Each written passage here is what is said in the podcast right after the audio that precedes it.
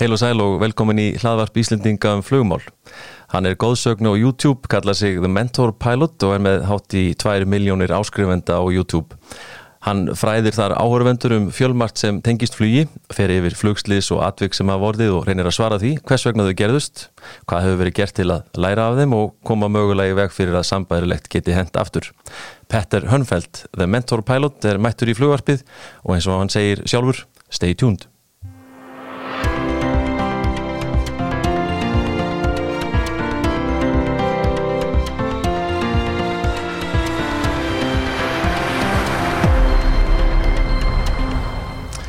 So Petter, welcome uh, to Flugvarpið. Well, thank you very much. It's an absolute pleasure to be here. you were, uh, we had scheduled this uh, earlier today, but you were uh, busy out uh, out of the city. Yeah, yeah. One of my friends uh, from earlier, that I actually worked with earlier in my career, um, we had been talking about meeting up and doing something when I came over here to Iceland, mm -hmm. and he took me out on a on a tour around in the island, seeing some of, some absolutely amazing places. As in it, this this the rugged beauty of this place mm. is unparalleled. it's, it's, excellent. Is it your first time here? Yeah, yeah. Right. It's it's um, but it's not the last time. No, no. Good to hear. Um, first off, uh, the reason uh, you came here to Iceland. Uh, you were invited. Yes, I was. I was. I was invited to the Flight Safety Symposium um, mm. here in Iceland to to talk about flight safety, basically, and my view. And they didn't give me much uh, guidance on what they wanted me to talk about at all. So I uh, I made it up, and uh, I had a 40 minute keynote yesterday, uh, okay. talking about some of the things, some of the challenges that I foresee potentially happening in the future. Right.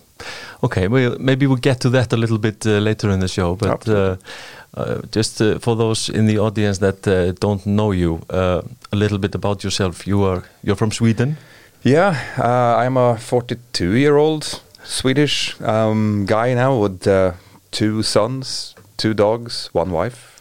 okay. Um, who has been working as a as an airline pilot for the last 21 years and the last 18 years in the training departments um, as a type rating instructor and also type rating examiner for the last few years. Okay. And on top of that, I've also done a little bit of YouTube on All the right. side.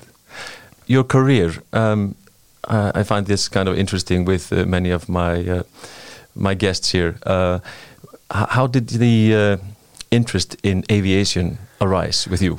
Oh, oh yeah. You know, um, it's it. I wasn't one of those that always wanted to become a pilot. No, I know. I was. I wanted to become an archaeologist when I was when I was like eight, nine. It probably had something to do with the fact that Indiana Jones was big at that point. Right. Um, but when I was about 12, 13 years old, my father, who was working as a, uh, a regional manager uh, for an insurance company in northern Sweden, he uh, he had to travel over large distances all the time, and so he took a private pilot license and I was part of when he did the training, and I went out and saw what he was doing and followed him up a couple of times. And when I turned 13, um, it was actually when I turned 14, I got as a birthday gift a test lesson okay. on the Cessna 172 together with his instructor, and it was one of those, you know, those clear, crisp, cold afternoons in September, October.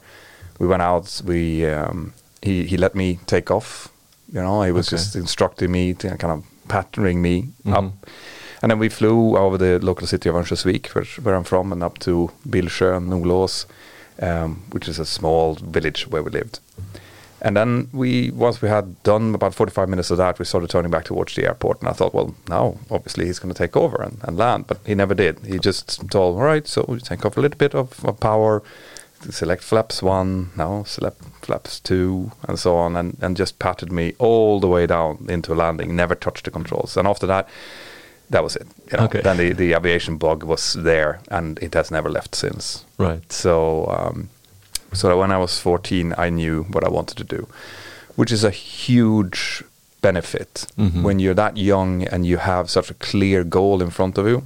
It means that all of the choices that you need to take that normally is, is very hard for people who are teenagers or something like what am I going to do what kind of um, direction am I going to take in school and so on exactly. that was never a problem for me because I knew that I needed to go through natural science subjects I needed to have excellent grades in order to get into the government sponsored program that we have in Sweden mm-hmm. um, so that's what I did I spent the next three four years to, to just you know, working my butt off Right. to get as good grades as possible, so that I would have a chance to come for um, for the tests to get into this um, to this training program, which I eventually did. Right. And the, I, I find this uh, very interesting because uh, I was just looking at your page on the internet and, and reading a little bit about you and stumbled upon this uh, fact uh, about your uh, learning how to fly Yeah. with, with a government sponsored program. Correct. And there was uh, a lecture also in this uh, named uh, seminar Yeah. uh, about the educational uh, subject and uh, how to facilitate the transfer of uh, these units of what you've studied and so forth, and creating possibly a, a degree uh, in uh, university degree. And um, but this has been going on in Sweden for for quite a while, hasn't it? Like uh, government sponsored program for a certain amount of people, all right? Yeah, so I think they started with this. This is um, so in, in Sweden you'll go through um, what we call a gymnasium, which is basically a junior college. Right. When you start when you're 16, and normally you, you finish at 18, and then you go into university and so on. Mhm. Uh, when when I went to school, this was back in 1998. This particular program had existed since I think 1993. Okay. So it was pretty new back then, uh, and it was only 30 places in the country. 30, 30. Three zero. So it was very very small. Right. Um, but that just made my you know the, the goal and the work is just more more uh, kind of appetizing. Yeah. Um, but they, I think the way that they kind of thought about it was that they had uh, different of these um, gymnasial um, occupational courses available for other occupations we Right. go through, and they said, well, why not for for pilots as well? Right. You know, why why would pilots be the only um, occupation where the state didn't come in and offer at least some opportunity to go through? uh, which was of course an, an absolutely amazing opportunity to get. Right. You know, something that I know is very very few people have the um, opportunity to do that. Normally, this is self-sponsored uh, to the tune of hundred thousand euros or. Right. So, uh, so, and I knew that th- this was my chance of doing it. Like uh, my parents would not have been able to afford to get me through that type of training Mhm. if if I would have if I wouldn't have come in or gotten into this training, I would have likely had to do it the modular way. Maybe when I was much older and could uh, make the money myself to to fund the training. Right. And this is still ongoing. Yeah. So the uh, gymnasia part, this junior college, I think has stopped. Okay. Uh, and it has been transferred over to the university level instead. Right. But yes, there is a there is a, a state-funded way to become a pilot in Sweden still. Yes, interesting.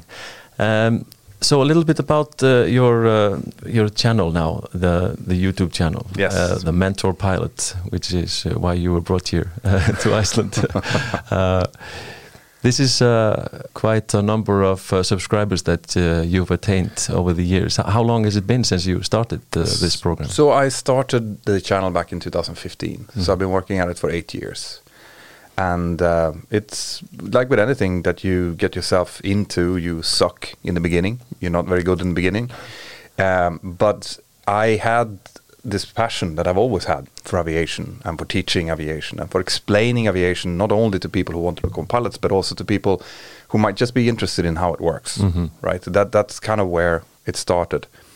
Um, so I worked through the first couple of years, and the the channel was growing steadily, but it was a small channel, and I've never had one of these like moments where it suddenly blew up. It's been just you know gradually, gradually growing, which is the most healthy way for a YouTube channel to grow because it means that the people who are signing up, who are subscribing to you, are actually honestly interested in following you. It doesn't come from a sudden viral video, for example. Right. So um, I am very, very pleased where where where the channel is right now, and with all of the people who are following and listening and and you know commenting on videos, and it, it's it's it's a great community around the channel. Right.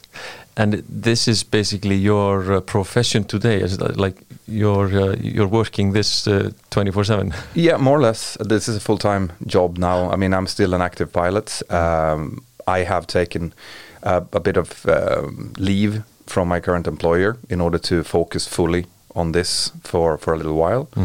Uh, but it's now it's I mean we're a group of six people that are working with both channels. It's both Mentour Pilot and Mentour Now, which is the more kind of. Uh, Mentour now is more about the aviation business as such, as in what, what's happening with Airbus, Boeing, different airlines. So it's a little bit more niche. Mhm. While Mentour Pilot is more of the the channel that does documentaries about incidents, accidents, and other similar stuff. Right. And do you feel like uh, is it is it because you felt uh, that there was a, a a need for something like this, or what what made you start up? Yeah, so it, I started up both because I'm a little bit entrepreneurial. Like I, I like to to see if I can build something from nothing, um, and also because I didn't understand anything about social media. But I realized that social media was going to be very important going forward, and the only way to learn about something is to immerse yourself in it. So when I when I went out on the internet um, back in 2015, I realized that there was a gap there. There was something missing because if you went out and you searched for you know what it's like to be a pilot, you very quickly came into these forums um, like PPRuNe and other forums, and the only people you found there were unhappy pilots. Right, there were pilots that were complaining about the industry as a whole, the company they were working for, and so on. it was just people venting about their grievances. Right. And I felt that that's very strange because I love the work that I'm doing. Mhm. And I love working as an airline pilot. Sure, there are ups and downs. There are definitely downsides to working, but there are mostly upsides. That's why I continue to do it. So I mm-hmm. thought, why are there no, why is there no one that, that talks about this from an honest, unbiased, and constructive point of view? Mm-hmm. And I realized that all the happy pilots, they were not sitting on internet forums. They were out kite surfing or doing cool stuff or spending time with family. They were not sitting there. The only people that were sitting in front of the computers were people who needed to vent, mm. which gave a very, very skewed picture of um, of the occupation online. Mm-hmm. So that's what I thought. I'll start something where I speak only on behalf of myself. I'm not pretending to to to speak on behalf of anyone else. I just want to give my honest opinion about what I'm doing. And I was already a type rating examiner at the point. So I, I could speak with some authority about what was going on in the business. right. And I think that was the appeal of the channel from the start. That whoever he is, no matter the fact that he doesn't have good audio, that he doesn't use any graphics, that he's just sitting in front of his iPad, which I was doing then, or, or iMac, he at least has a message and it rings true. Right. And that was the appeal of the channel in the beginning. And then I've been working on improving all of those things to make sure that it's now actually good in, in all areas. And as I mentioned to you uh, yesterday when we were talking, I, I found it very intriguing to see very spectacular graphic uh, and and in the videos, in, in the documentaries and stuff. Yeah, so I'm, I'm working with uh, some truly talented individuals. Um, I have one head graphic designer called Dominic, who's from Northern Ireland, who is uh, who's very, very, very good at being a visual storyteller, which is basically what you need. So I am the the storyteller. I tell the story, and he doesn't have an aviation background, but he is very interested in aviation. Right, he's an av geek through and through Right. um, and that's a that's a strength because that means that once I send him my A roll, when I send him a story that I've told, he understands it, and then he sits down and he thinks, how do I explain? How would I want this explained visually? And he then annotates and creates the visual bits that are needed with the help of another graphic designer that we've just hired as well, uh, Mohammed, awesome, awesome guy. And then we put all of that together. We then sit down and we look at the results and we fix, kind of like polish the diamond before it's released to the public. And I also have my like an amazing group of people um, behind me on Patreon who also gets to preview my videos and come with feedback to see if they see something that they didn't understand or something that they thought was faulty before it's released out to the general. So there's several layers of of quality. Um, assurance, control, yeah, quality yeah. control before it reaches out. Ah, makes and, sense. And yes, these working with talented people is so gratifying. It's one thing to try to do everything yourself, which all YouTubers, by the way, do in the beginning. Mm. Like you start off and you try to maybe put a couple of pictures in, and you, you, you do what you can, but you're never very good at that. You're good. You have a strength, Mm-hmm. and that might be storytelling, for example, or it might be um, that you're you're very very passionate about something. But it's very rare that your strength is editing or graphic design or anything like that. So when you start to grow as a YouTuber and you can afford to to pay for these services, you should.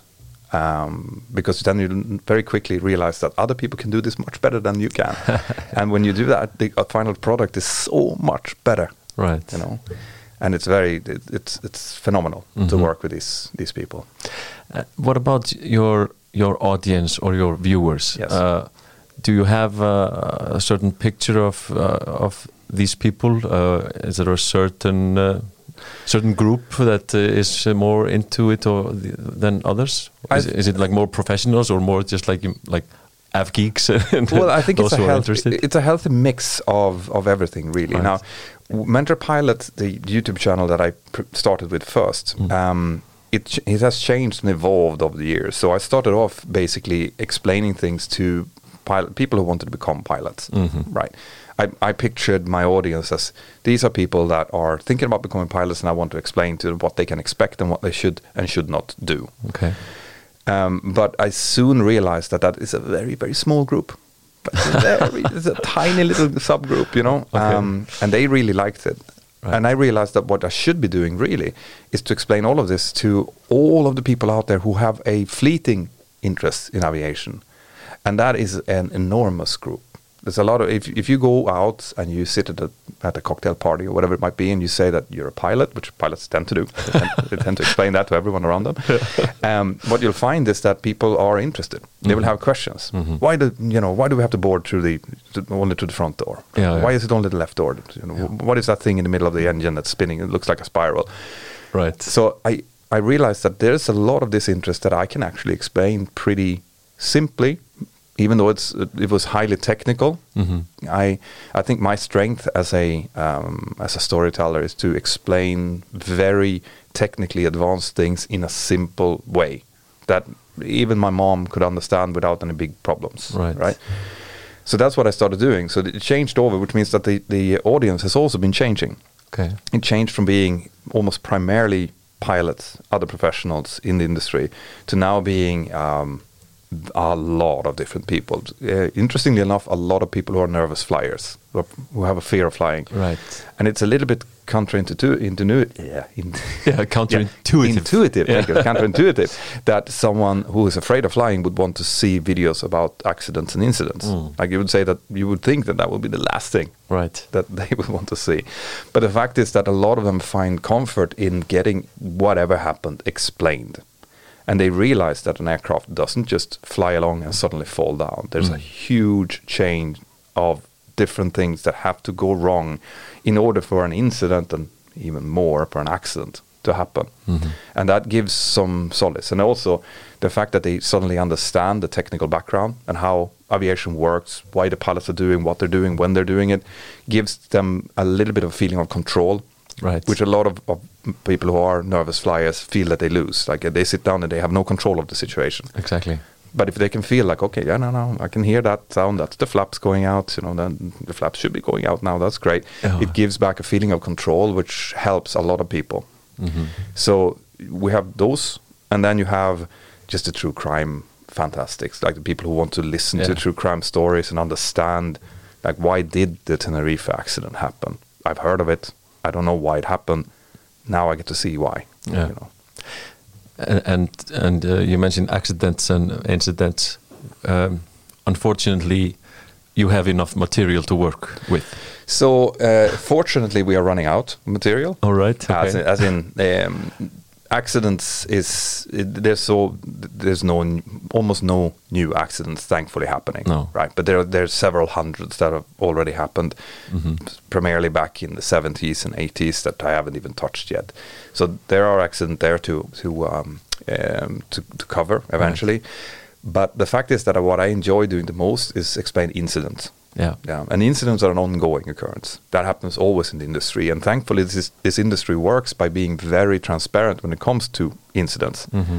So if something happens, what the, the newspapers would call a near miss, but often it's not a near miss, you know, mm-hmm. it's still something that tends to be quite dramatic right? And it needs to be explained. It's a lot of human factors involved, a lot of technical things that needs to be explained. But in the end, no one actually got hurt. Mm-hmm. Right? We landed safely, and those are the ones that I prefer talking about because you can learn You can, I can teach as much with an incident as I can with an accident, but there's no bloodshed at the end, Right. which is what I what I prefer doing.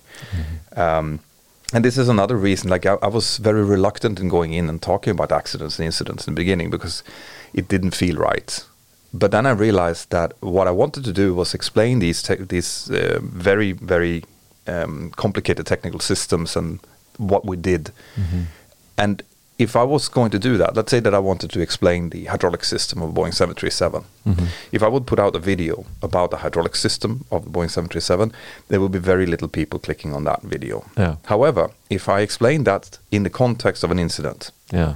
All of a sudden a lot more people would watch it and they would learn just as much because I go into the same technical detail about that system, but they would watch it because it now forms part of something that makes sense, right? So I, I view these incidents and accidents as a kind of vehicle to explain the industry through. Right. I, I I've been watching oh, just over the past few weeks uh, some of your material, and I find it also uh, very good that there's no there's no drama basically. Yeah, It's you, you're you're telling the story based on the facts as they have been laid out pretty much Yeah. and and telling a story behind it and explaining like you mentioned of various systems and human factors in as you go along Yeah, there's no hmm. need for dra- extra drama. No. So this is if you go. but it could be you know easily found with some people to do that Oh, absolutely. I mean, so- I, I mean, BBC, the, the all of these documentaries that, that traditionally have gone out on TV is heavily dramatized. Right. There, there's a lot of like, oh, mm, you know, Yeah, building exactly. up, the, but but there's no need for that. The what has happened is dramatic enough, right? Right. What you need to understand is why you see the chain in front of you and see why this is happening. Because, to be perfectly honest, obviously there's a lot of, of our colleagues that are watching these videos as well. Thankfully, they seem to to enjoy it and think that it's it's it helping them as well. But the lessons that you learn through watching these videos can be applied to almost any occupation. Like Right. the human factors part of these accidents is something that you, if you're a taxi driver, you can feel when you start to get fatigued. And You can see how that is affecting your decision making. If you're working with, with heavy machinery in some other industry, or if you're working within um, healthcare, for example, you can also see how, oh, yeah, remember I, I felt the stress onset and I didn't hear the alarm because the first thing that disappears when the stress goes up is your hearing. That's why I didn't hear her screaming at me that this was about to happen. Ah, you know, there's a lot of these because aviation has had this fantastic um, ability or um, to, to try to, to learn from their mistakes for so long, and that we're so transparent in, in publishing final reports after each um, serious incident and accident. We have learned to to take those lessons to heart, which other industries have not had to do. right. Right? They, th th their rules are not written in blood in the same way, but they could they could learn from us just as much as we learn from us, which is something I find incredibly inspiring. hmm I, I can imagine that um, being on social media, there's a constant requirement for publishing new material. Yes. To you know, just to keep your status uh, as such. That's And correct. how, how is that uh, affecting you? Are are you publishing at a certain interval, or or how is that uh, done? Yeah. So uh, on Mentour Now, I release every week. Every week. every week one vid- uh, video on Mentour Pilot, just because they're almost 40 minute long. Uh, it takes two to three weeks to create a video, so I do two per month on Mentour Pilot. Right. I am hoping to increase that to three, um, but I will not sacrifice quality over quantity. No. Or quantity over quality. Uh-huh. Um, so uh, maybe back to your uh, your speaking at the uh, symposium. You were talking about status pretty much of the industry uh, today from a pilot's perspective, Yeah. um, and uh, the imminent pilot shortage. Hmm, Uh, can you can you just elaborate, you know, or, or, or sum up uh, basically your introduction to this status that we see happening now, and maybe in the future? Yeah, so um, what I was talking about was the, like you were saying, the, the potential of a pilot shortage that's looming in the in, in the near future now. Mhm. Now, the funny thing is that people who, be- who are listening to this podcast would probably, you know, laugh a little bit, smile a little bit when they hear someone saying pilot shortage because I've heard about it my entire career. The last Yeah, 21 years, they're saying like, okay, you know, that the pilot shortage is just around the corner and it never happens. Yeah. So I am seeing it right now because I'm seeing stuff that has not happened earlier during my career. Um, there are um, there are combinations of a, a problem in the training industry, as in flight schools that during COVID uh, suffered a lot. People stopped going to flight schools for a, um, a number of years uh, in COVID and after COVID, and with the um, with the, the loss of status that we suffered as an industry because the press constantly sent out this, these pictures of pilots on the dole, pilots working as Uber drivers, uh, pilots, mm, you know, mass layoffs within the industry, Right. um, a sense of kind of non job security within the industry started to, to kind of permeate. Yeah. And with that, less people wanted to pay 100,000 euros to become a pilot. So the, the schools started having huge problems and they did not get any state funding or state help as the airlines did during COVID. So we've lost up to 20% of our global training capacity. That's one thing. That's a lot. That's a lot. Mhm. That's a lot. On top of that, the the other factor, which is you know just finding talent that are willing to go into the industry, also took a hit for Mhm. the reasons that I I just told you, uh, and we have lost a lot of our colleagues um, that have moved away from the industry because during COVID they lost their jobs, so they they saw that it wasn't as secure as they were were hoping, Mhm. and they found that hmm, you know when they were taken out of the hamster wheel Yeah. and were sitting there and looking at the hamster wheel instead uh, during lockdowns and so on, they realized that oh, it's pretty nice to be able to be off on weekends, to maybe um, watch your son's football games, you know, be home on Christmas or New Year's Eve, things that you might miss when you're a pilot, and that's something that you that we just took for granted. Like, Mhm. of course, you're going to be working some some um, Christmas Eves. That's just the way it is. Yeah. But once you're removed from that system and you realize that actually, no, I don't really want to anymore. So a lot of our um, colleagues in my age, around 40s, that have paid off their training debt and so on, they actually re redeployed into other industries and they're not coming back. Yeah. And on top of that, the huge baby boom generation, they are going into retirement now. And this has been something that we've been talking about for the last 15 years. But what has happened is that every time that it, they had started to come close, the retirement age for pilots had moved up.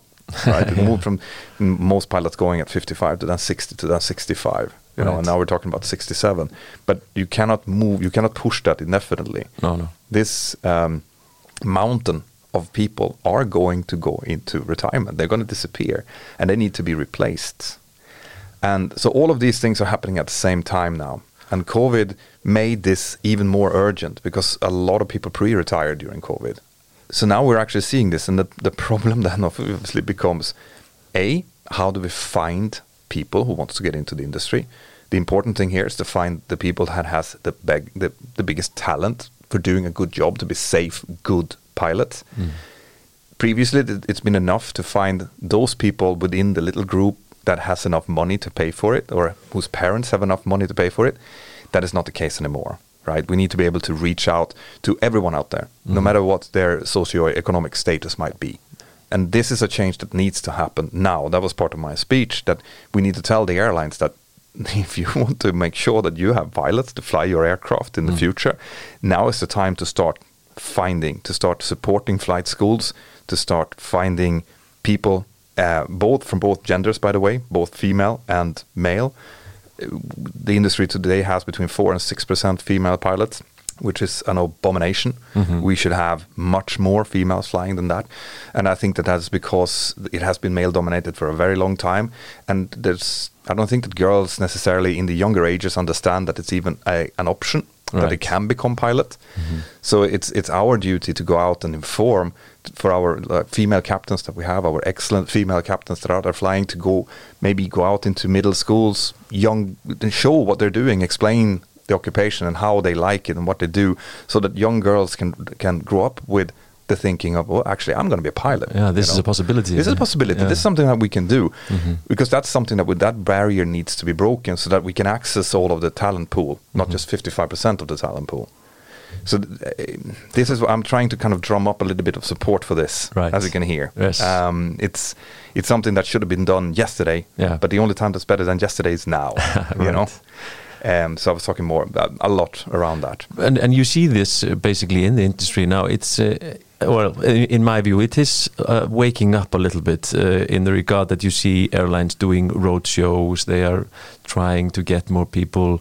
Just here in Iceland, there's been on the news about Iceland there with a cadet program in relation to a Norwegian flying school. So they're like screening people before they start the studies. But, but they need to take one step further. Right. That's the thing. Like, Okay. um, there needs to be some skin in the game for the airlines. Like, There's one thing to pre-screen people Right. and then tell them like, yeah, we're going to offer you a job at the end of your training, but you still need to pay for it.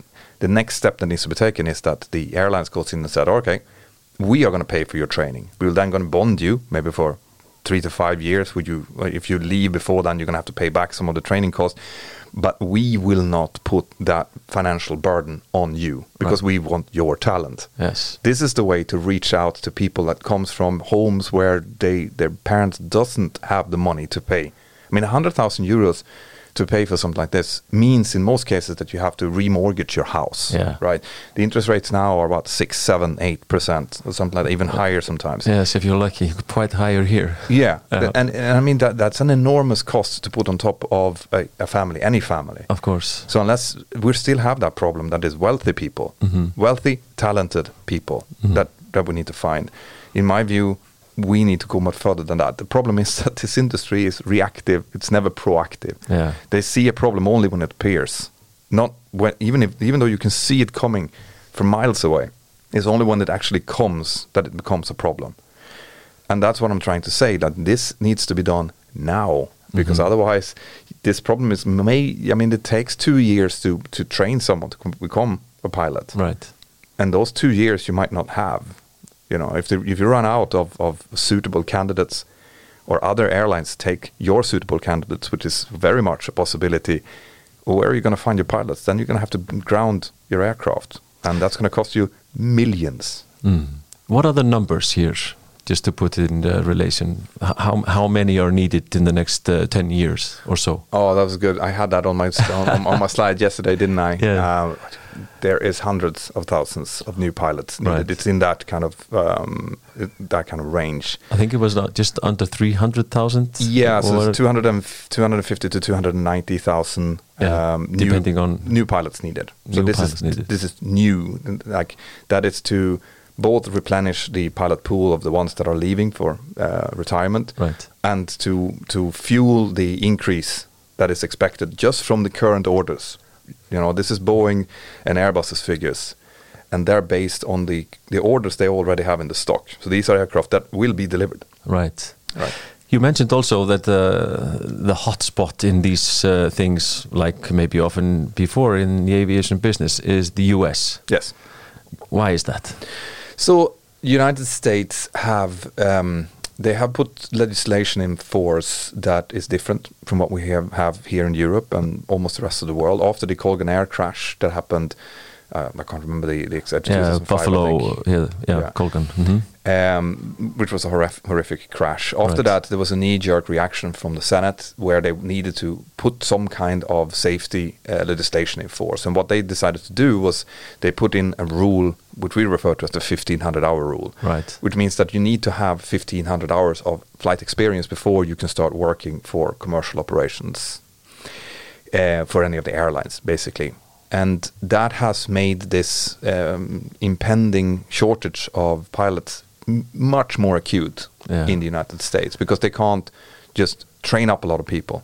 They then need to find 1500 hours somewhere, which you don't find just like that. Like that, that is a lot of hours that you need to sit in a Cessna 172 and sit in the circuit and fly around with, you know. Yeah. So they have created a little home-brewed um, pilot shortage, Okay. which is uh, basically just a, a, a, worse version of what we're going to see globally. But what happens in the States is that, of course, they are then going to need to find these pilots somewhere. So they're starting to now vacuum the rest of the world for Um, they're giving out visas to uh, Australians, for example, extending the E3 visa there so that they can poach Australian pilots to come and fly in the United States. They're uh, they're taking their flight instructors from the flight schools Uh-huh. to come up and work as soon as they have the hours. They disappear from the flight schools, um, and um, they're taking home all of their expats that have been working all over the world before, and they're now coming home to the United States because they're paying incredible salaries all of a sudden. Right. Um, so we're seeing it's already happening there, and that's now starting to kind of uh, send out the contagion for the rest of the world.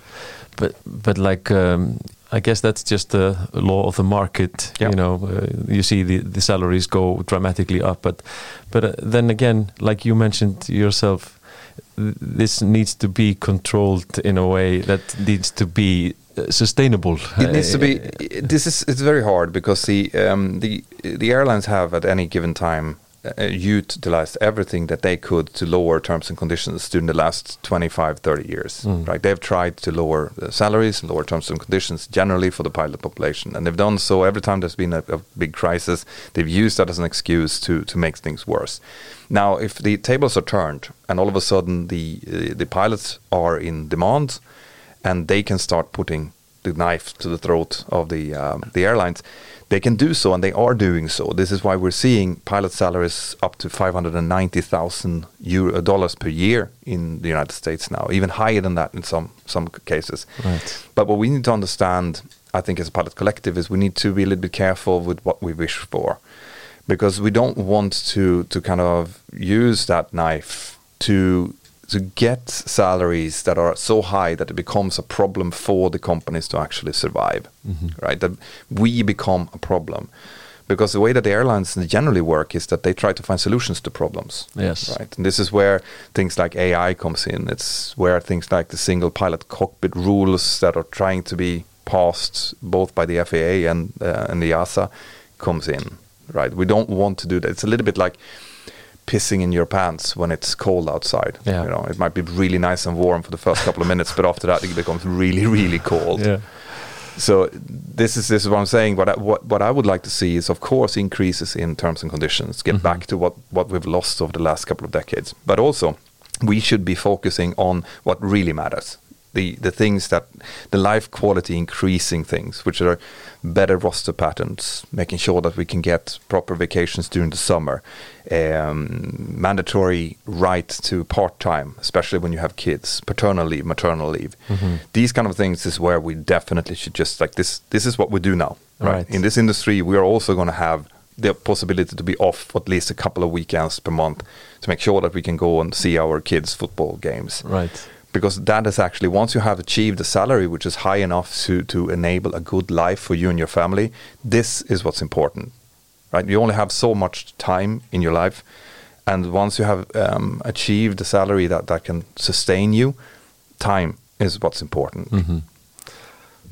this 1500 hour rule in the US, I mean, they, they could fix a lot by just lowering the number again. Or but do you see, do you see that happen? no i don't No. no no no no there's no there's no way that any politician will come in and say that we are going to lower this which is perceived as a safety rule Right. because from a political standpoint that could be a suicide you know like they if if they do that and and something happens and someone comes out and points at them like you lowered the rule and now this happened it's your fault Right. even though this this rule has no real bearing like Oh. there's no there's nothing scientifically that shows that you are a better pilot after 1500 hours than you are after 500 hours mm-hmm. right? It it's a logical way of thinking that that might be the case. But in fact the only studies that have been made on this has actually shown that you have the opposite thing happening. Because if you if you force people to get 1500 hours somewhere else outside of the airlines then all of a sudden when they have those 1500 hours and they need to go into training they have picked up loads of habits that needs to be de-learned Right, yeah. so what's actually seen happening is that after the implementation of the 1500 hour rule the airlines have started to see an increase in training need like longer type rating courses more extra training connected to recurrent training because these pilots have been forced to pick up stuff you know sitting So- around the circuit in a 172 does not equate to flying a boeing 737 it doesn't do anything for you. It's just something that looks really good on paper but doesn't do anything in real in real life. No. what they should be doing is they should be focusing on making sure that the training quality is as high as possible, right? That the schools deliver the kind of, of uh, high quality candidates that we need, right? So this means that we need to also look into to more uh, testing of cadets before they, they join um, airlines and so on. But the, the, the quality of the training, focusing on the core competencies that are important for a pilot, that is where you increase the safety, not by putting an arbitrary number. Why not 3,000 hours? Why not 5,000 hours? Exactly, it's just a number. It's just a number that's been taken out of thin air because it sounds good. And the fact is that the Colgan Air pilot, they had more hours than that. Right, so they, they, it had no direct connection to that accident either. Um, I find it perfect. Like I know that when when I say this, and if they're, if they're pilots in the United States, they might disagree with me, which is perfectly fine. Um, but I have a personal problem with uh, anyone that uses flight safety for political reasons.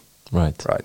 Any legislation that has to do with flight safety need to be grounded in studies, in actual science, so that we can go in and we can say we are putting this legislation legislation in force because if we can, we can prove that that increases flight safety. I'm all for that, Right. but not arbitrary stuff that is there to look good.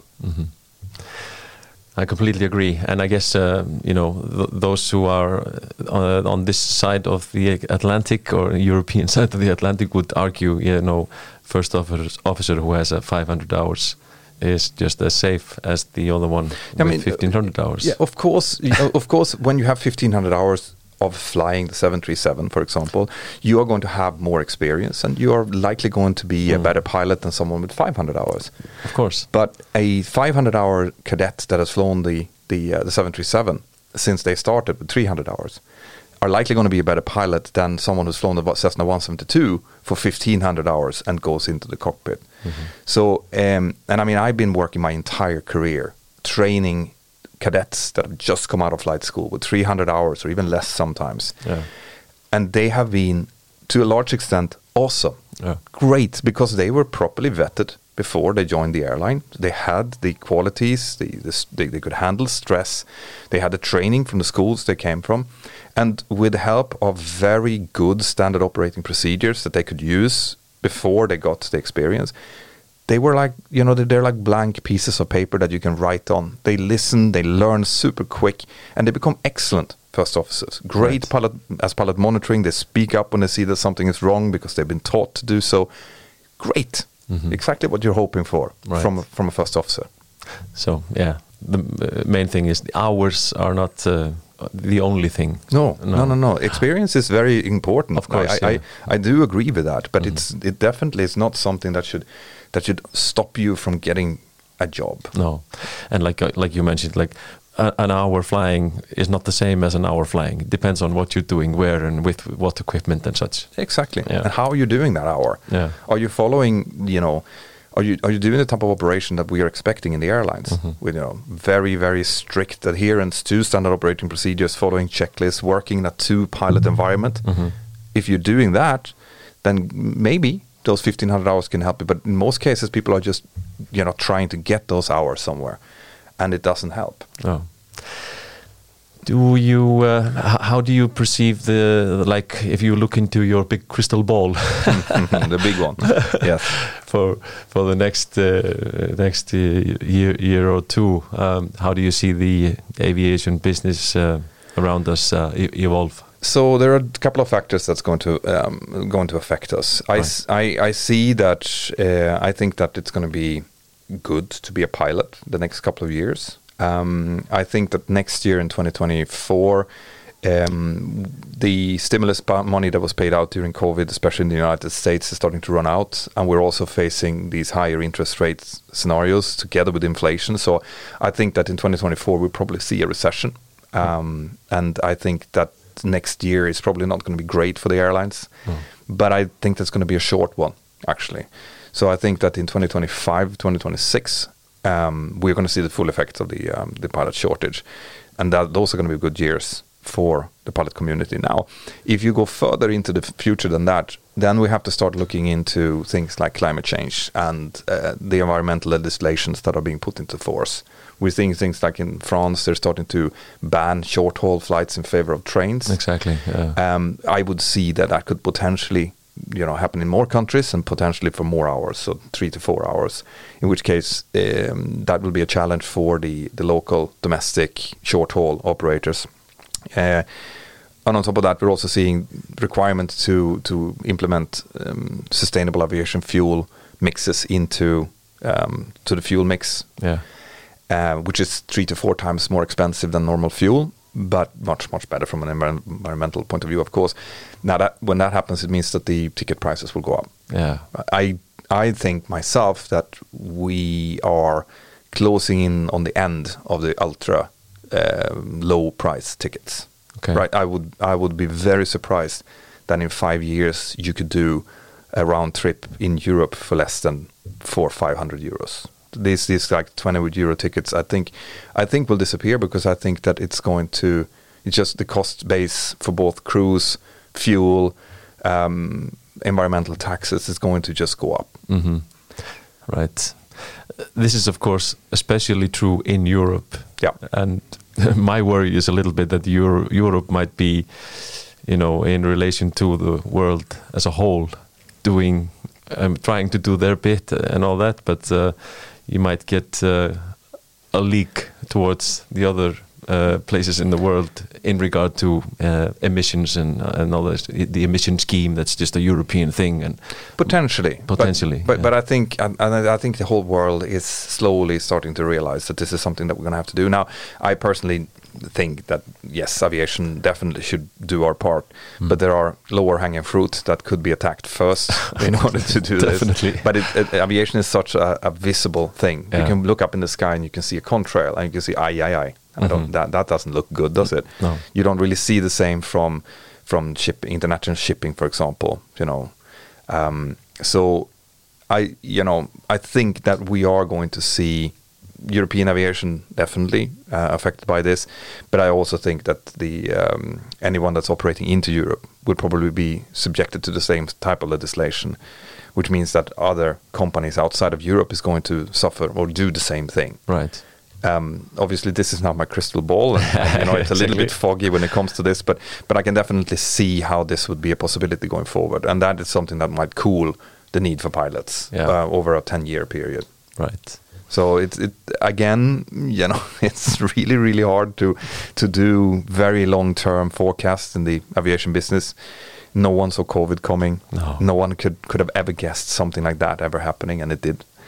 And and I've found during my 20 years of or 21 years of working that every five five six years something happens that affects the industry, and whenever something major economically happens, It affects the industry. yeah, we are the first ones to take the brunt because the first thing that people kind of save in on is their their trip abroad, Right. Their flights. So, so that could you know that could also have something like that could happen a major recession, for example, Mm-hmm. um, or of course the kind of wars that we're seeing in Ukraine. Yeah. Um, I guess the next thing is something we will never think of now. Exactly. It could be. It could be, or something that we've seen before, but it just happened at a different scale.